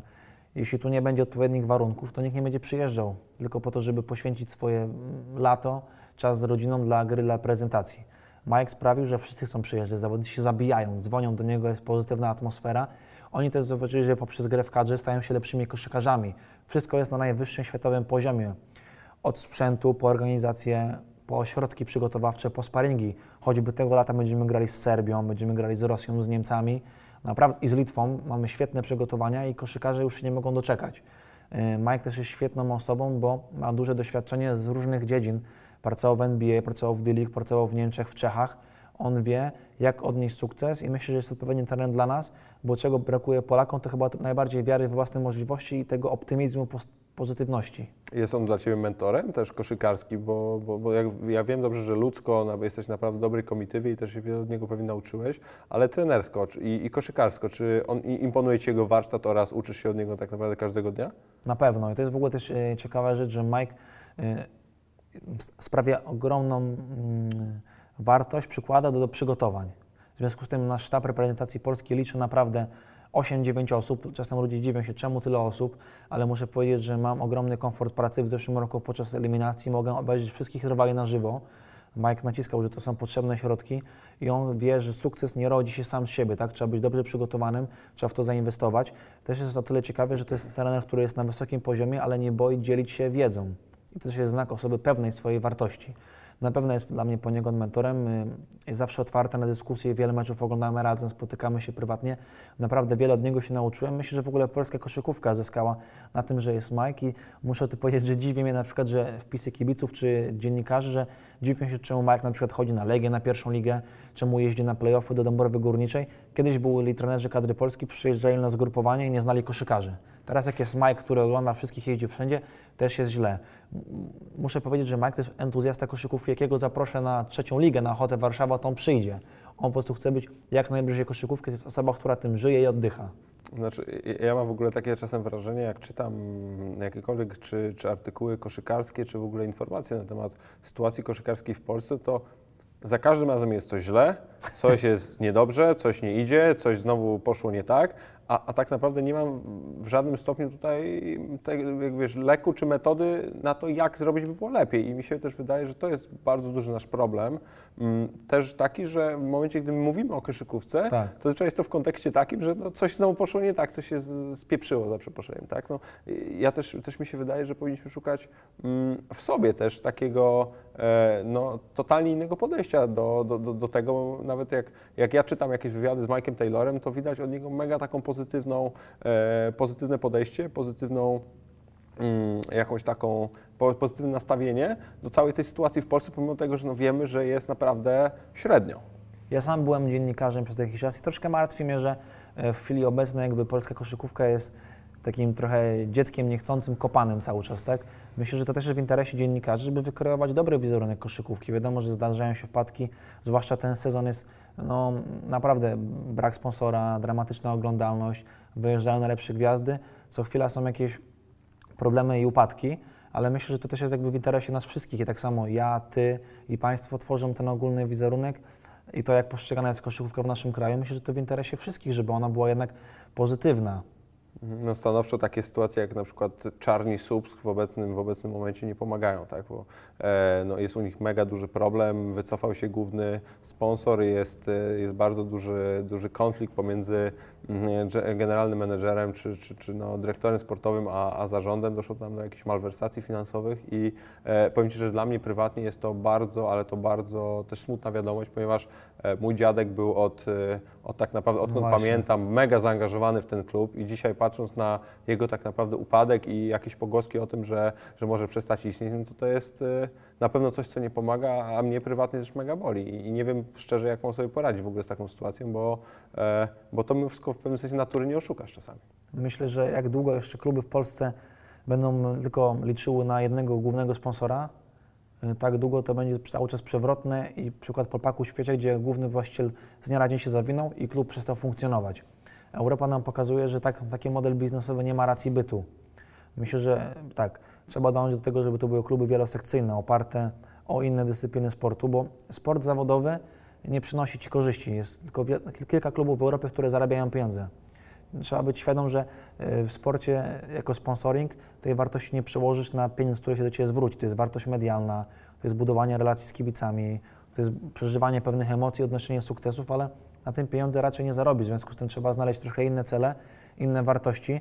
No i też ja bym chciał, żeby kluby sportowe w Polsce były budowane i istniały jak korporacje, jak przedsiębiorstwa finansowe, a nie właśnie jak kluby y, zależące od decyzji prywatnych właścicieli. E, Gdzie widzisz siebie za, za parę lat, nie wiem, 7, 10, bo poruszyliśmy tak naprawdę już wszystkie, wszystkie wątki, jakie chyba mogliśmy, a, a to jest jeden, który mi został, bo e, tak jak e, chwilę rozmawialiśmy o tym, gdzie no, że już tak naprawdę osiągnąłeś wszystko, co, co, co czasem ludzie sobie marzą, by osiągnąć, czyli doszedłeś do tej elity, utrzymujesz się w tej elicie, będziesz na kolejny jakiś tam okres. Powiedz mi, gdzie ty, gdzie ty zmierzasz, jakie jest twoje marzenie takie koszykarskie, co, kim ty byś chciał zostać albo co byś chciał osiągnąć? Na pewno chciałem być cały czas przy koszykówce, bo nie wyobrażam sobie życia bez tego sportu. Na pewno nie chcę się zmieniać, chcę cały czas w siebie inwestować, uczyć się, rozwijać nowe możliwości. Cały czas jeżdżę na konferencje, uczę się nowych języków. Mm, Jak rozpoczynałem pracę jako scout NBA, to byłem lokalnym fanem drużyny, z której sam się wychowałem, Ochota Warszawa i do dzisiaj chodzę na ich mecze. Jestem cały czas tym samym gościem, ale oczywiście też chwytam nowe możliwości, jestem otwarty na różnego rodzaju współpracę. Zaprosił mnie Mike Taylor do kadry polskiej, wahałem się, przyjąłem tę ofertę. Nie mogę być bardziej wdzięczny, że mam taką możliwość nauki, poznawać koszykówkę na tym poziomie. Zaproponowano mi komentowanie meczów, też się zastanawiałem, czy będę miał czas. Wziąłem to i też jestem niesamowicie z tego zadowolony. Co prawda coraz trudniej mi znaleźć wolny czas, moje życie prywatne na tym sporo cierpi i tutaj czasu żadnego nie ma. Ja bym chciał przede wszystkim pracować w NBA, bo to, to co mówiliśmy wcześniej, te możliwości finansowe, budżet i logistyka są na takim poziomie, że ja wiem, że tam się mogę sprawdzać, tam funkcjonuje najlepiej. Docelowo chciałem mieszkać w Stanach, y, pracować w klubie NBA, na co dzień być w biurze, być wokół tych ludzi. No i mam nadzieję, że może za kilka lat uda się być na wyższym stanowisku. Nie było jeszcze nigdy GM-a z Europy, nie było nigdy prezesa z Europy. Fajnie byłoby stworzyć taką historię, ale to daleko wybiegam w przyszłość myślami. Na razie chcę się skupić na najbliższym drafcie z drużyną Denver Nuggets i znaleźć następną perełkę z Europy. A jak wyobrażasz sobie no, swoją wizytówkę za lat powiedzmy 15, czyli Rafał Juć, generalny menedżer kogo? Taka jaka, Wykrop, będzie, Wykropkowane. taka, jaka będzie możliwość. No tutaj jest też brutalny biznes, bo pracujesz dla jednej drużyny, ale pracujesz tam, kto ci płaci. Pracodawców bardzo często się zmienia, tak samo jak z zawodnikami, jesteśmy najemcami. Ja chcę, żeby inwestować w swoją wartość i oczywiście super było pracować z Denver Nuggets, ale jeśli pojawi się oferta z innego klubu, będę musiał się zastanowić. Nie ukrywam, że chciałbym kiedyś zawodowo wrócić do Polski, bo jestem ogromnym patriotą, jestem warszawiakiem z urodzenia krwi i kości. Chciałem, żeby klub Legia Warszawa grał na wysokim poziomie. Cała moja rodzina są ogromnymi kibicami y, tego klubu. Ja sam jestem z Bemowa. Często spotykamy się na meczach, na obrońców Tobruku i chciałem y, mieć możliwość kiedyś pracować zawodowo w Polsce, bo fajnie chyba by było, żeby ten kapitał, który ja zdobyłem, móc pokazać ludziom tutaj, zainwestować i może kogoś innego nauczyć. Chciałem, żeby koszykówka za kilka lat w naszym kraju była na wysokim poziomie i żeby nasza kadra odnosiła ogromne sukcesy. Słuchaj, no to tego Ci życzę. Bardzo się cieszę, że, że wpadłeś, że mieliśmy okazję porozmawiać. Bardzo dziękuję, że no, poświęciłeś czas, jako że e, jeden z tych swoich 150 e, dni wyjazdowych poświęciłeś też na to, żeby się ze mną zobaczyć i no, mam nadzieję, że, e, że ludzie, którzy będą nas słuchać i oglądać też e, wyniosą z tego tyle ile ja, więc mega, naprawdę mega, mega doceniam, że Ja wpadłeś. dziękuję bardzo za zaproszenie.